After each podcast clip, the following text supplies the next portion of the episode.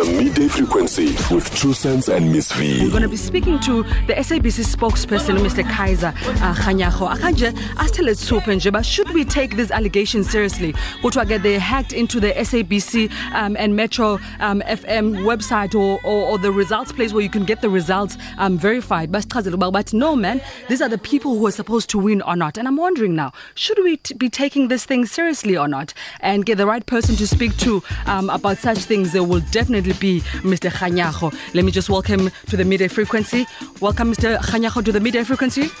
Good afternoon good afternoon to your listeners. Good afternoon. Thank you so much for your time, Mr. Kganyago. Um, I was I was just telling uh, Baba Pula Pula Betu, uh, Mr. Kganyago, that um, there's been um, Twitter has been trending with um, SA Hip Hop Mag revealing that they've there's been a hack that's been done, and basically the results, the Metro Awards, the real results, they're saying um, have come out, and certain people that who won would should not have won, and certain people that who did not win should have been the people who actually um, got the awards for the Metro Awards. And then Questa retweeted as well. Um, but now we need to find out from you, Mr. Kganyago, should we take these allegations seriously? No, you shouldn't take Yes. them seriously. These are just malicious people. Mm-hmm. In the first place, I get an impression that they are saying they hacked the SABC Yes. website. Mm-hmm. But the results of these things are not with the SABC. Right. They were handled by a company outside of the SABC. Therefore, I don't know how hacking the SABC would have made them see that because that is they're just basically lying to the public of South Africa.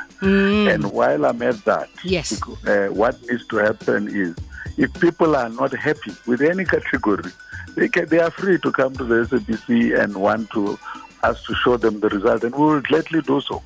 Uh, the fact of the matter, we have got nothing to hide as the SABC. We, what we have done, uh, we have done for the past 16 years.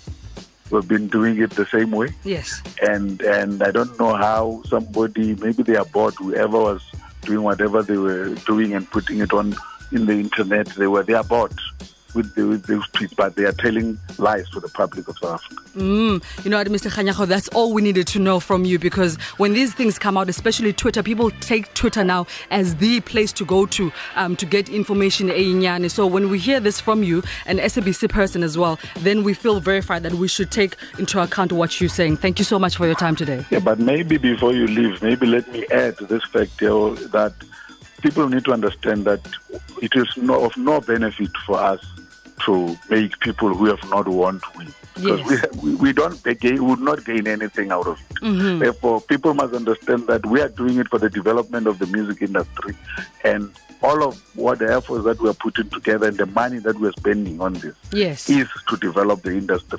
Therefore, we don't have a reason to want somebody to win over the other.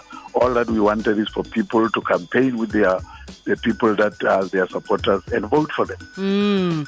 Mr. Kganyago, thank you so much for your time today. Thank you.